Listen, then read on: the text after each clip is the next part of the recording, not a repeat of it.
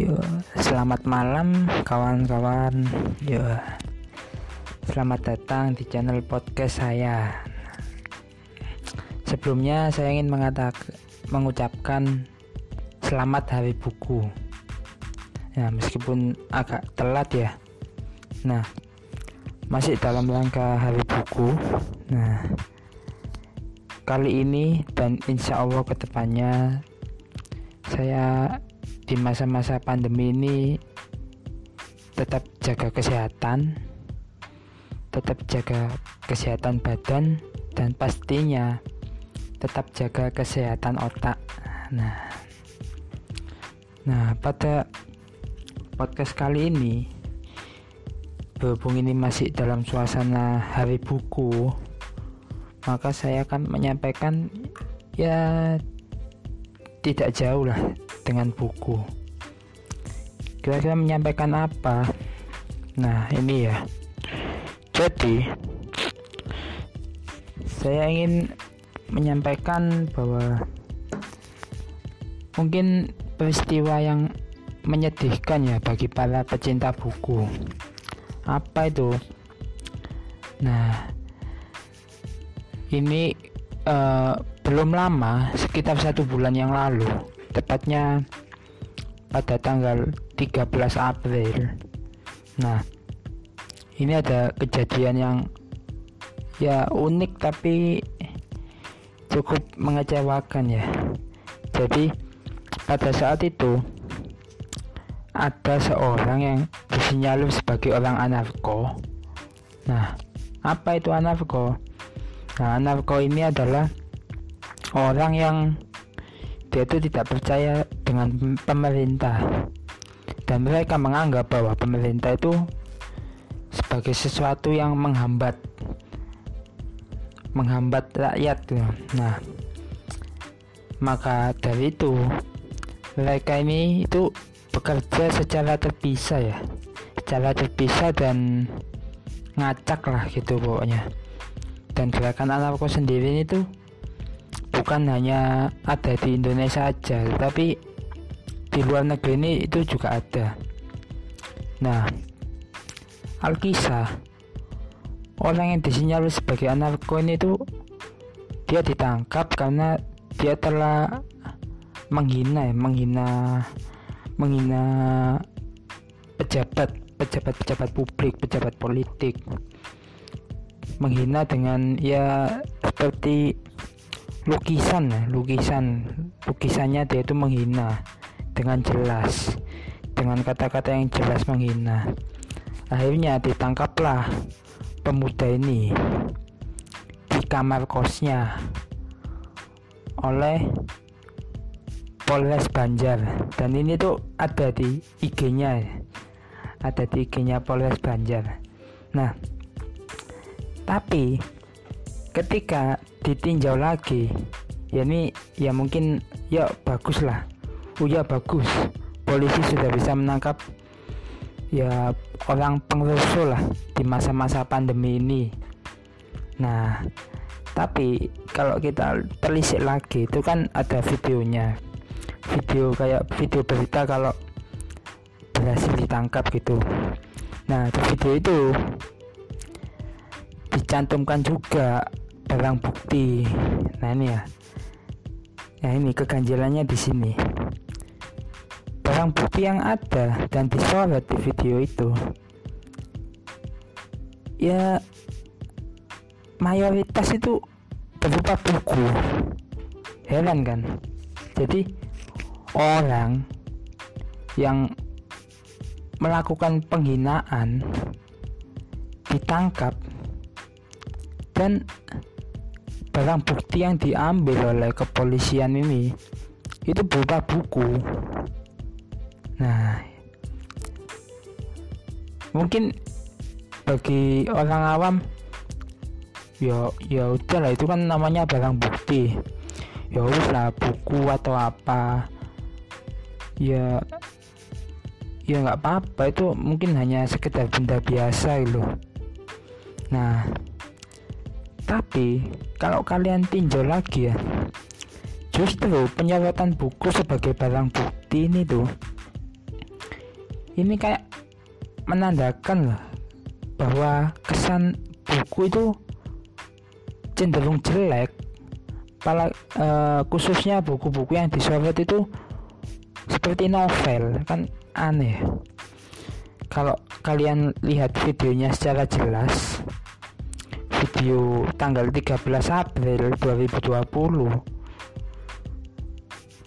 di IG-nya Polres Banjar Banjar Jawa Barat. Itu dia itu menyorot barang bukti buku dan buku-bukunya itu.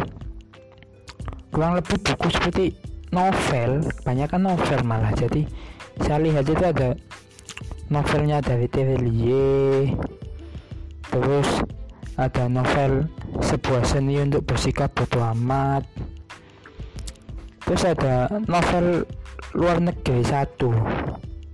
Nah baru di sebelah yang paling kiri itu kalau nggak salah itu berupa kayak apa ya kayak seperti kanvas atau apa. Nah tapi itu tidak disorot dengan jelas lah. Yang jelas itu buku bukunya ini malah kayak uh jadi orang ini tuh bisa menghina perilakunya kurang baik mengganggu ketenangan masyarakat di waktu pandemi gara-gara buku.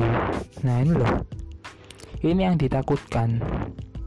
Nah maka dari itu ya saya ingin saya berharap bahwa di hari buku kali ini saya ingin kesadaran orang-orang kesadaran masyarakat betapa pentingnya buku. Ini harus ditanam dengan baik dan jangan sampai kejadian-kejadian kayak gini. Itu apa ya bahkan bisa menanamkan mindset yang jelek kepada buku. Oke saya lanjut lagi ya kasusnya. Nah nah ini kan aneh ya. Barang bukti kok bisa berupa buku? Padahal kejahatannya dia tuh menghina dengan coretan. Nah padahal di kitab undang-undang hukum pidana sendiri itu udah dijelaskan dengan gamblang. Apa sih arti barang bukti itu? Nah ini ya tapi sebelumnya sudah ada klarifikasi kok dari pihak polisi. Jadi setelah dia itu mengunggah video itu dan banyak orang-orang yang berkomentar dan ya mungkin menolak ya itu kayak banyak aktivis buku yang menolak bahwa nah, ini seolah-olah menandakan kayak bahkan kriminalisasi ke buku loh. Jadi buku yang dia itu bernilai netral citranya itu dijelekkan dengan berita itu. Akhirnya kan ada klarifikasi bahwa oh iya buku di sini itu maksud kami itu bukan sebagai barang bukti tetapi barang yang ada ketika waktu penangkapan. Nah gitu ya. Nah tapi mungkin menurutku sih ini klarifikasi yang telat klarifikasi yang telat soalnya kenapa? Pertama video itu telah dibuat dan telah tersebar bahkan tanggal 16 Mei kemarin. Saya lihat meskipun sudah klarifikasi tapi versi video ini tuh masih belum diganti loh. Itu kan kayak dia mungkin mengklarifikasi kejadian tapi secara bukti nyatanya itu masih belum. Nah videonya itu masih belum direvisi lagi gitu nah ini ya. Jadi sudah diklarifikasi begitu. Nah saya ingin jelaskan singkat tentang apa itu barang bukti dan apa itu barang yang ada ketika waktu penangkapan? Jadi dalam KUHP itu sudah dijelaskan ya bahwa barang bukti adalah barang yang digunakan terdakwa untuk melakukan kejahatan. Nah ini ya udah jelas. Bahkan kalau bisa ditafsirkan lebih dalam lagi mungkin kayak barang ini tuh mempunyai potensi mempunyai potensi untuk menyuruh seseorang apa ya? Ya untuk menyetir seseorang untuk melakukan perbuatan buruk. Mungkin bisa jadi begitu. Nah ini dari pengertian itu sebenarnya sudah kita tahu ya bahwa tuh barang bukti ini tuh beda sama barang biasa ketika penangkapan loh. Nah kalau misal itu kan kejadiannya kan si pemuda ini tuh tertangkap di kamar kosnya. Jadi mungkin sudut pandang sudut pandang si penangkap ya oh iya ini ada barang yang bisa dibawa sebagai bukti. Ada buku diambillah. Padahal kalau kita hanya bicara tentang barang yang ada ketika waktu penangkapan kalau misal ya ditangkapnya di kamar kos. Ya lemari pakaian kasur. Yaitu semua itu barang yang ada ketika waktu penangkapan. Kenapa kesannya hanya memojokkan buku gitu loh? Nah ini ya. Nah semoga kasus-kasus ini ya ini bukan kasus pertama kalinya sih tentang menurut saya apa kriminalisasi buku. Kalau boleh saya bahasakan. Soalnya dulu sebelumnya itu pernah ada juga. Nah ini lebih ya bahaya lagi sini. Dulu itu pernah ada razia-razia buku yang dianggap itu kayak mencerminkan nilai-nilai yang berbeda dengan nilai nilai-nilai bangsa gitu kan. Dulu sempat ada razia ini juga dilakukan oleh TNI nah ini ya TNI Polri. Hmm. nah ini juga dilakukan oleh TNI kalau yang dulu itu sempat ada. Dan kebanyakan dari buku target citaannya tersebut ya apa ya mereka ini tuh kayak kebanyakan itu salah persepsi loh salah persepsi. Sehingga dengan adanya kebijakan apa razia-razia buku atau apa ini banyak ditentang. Bahkan sampai ada orang yang bilang uh, rajin membaca pangkal pandai malas membaca. Ya jadi itu kan tahu sendiri kan jadi apa kan. Banyak orang yang berkata begitu.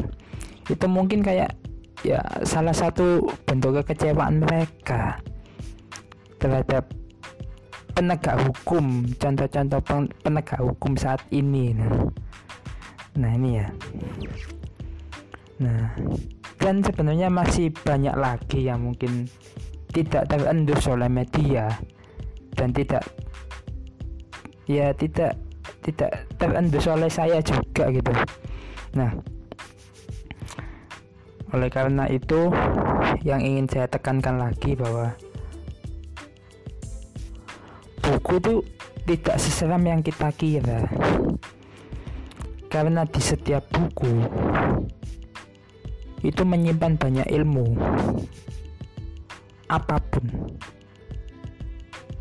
Banyak ilmu yang belum kita tahu dan itu tertuang banyak dalam buku-buku yang berbagai versi. Nah, itu ya.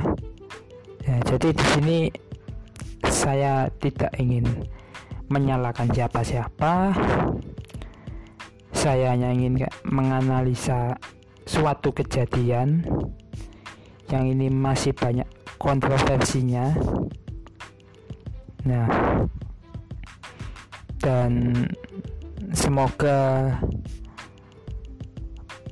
bahasan ringan saya pada hari ini bisa membantu kalian untuk selalu berpikir di tengah-tengah pandemi seperti ini yang banyak berita simpang siur di media sosial dan bahkan berita yang simpang siur tersebut itu sifatnya bukan nggak hanya menyampaikan menyampaikan data biasa tapi bisa mempengaruhi. Nah ini ya kita sebagai masyarakat awam minta tolong untuk jangan terpengaruh terhadap berita-berita seperti itu dan harus selalu mencari kebenaran yang ada. Selalu mengcross check apa yang info-info yang kita dapat. Nah terima kasih. Semoga bisa menenangkan menenangkan kegiatan kalian. Ya mohon maaf apabila ada kesalahan yang saya sampaikan. Ya kalau misal ada data-data yang mungkin saya kurang atau mungkin saya salah ucap ya mungkin bisa didiskusikan bareng. Sekian. Terima kasih dan selamat malam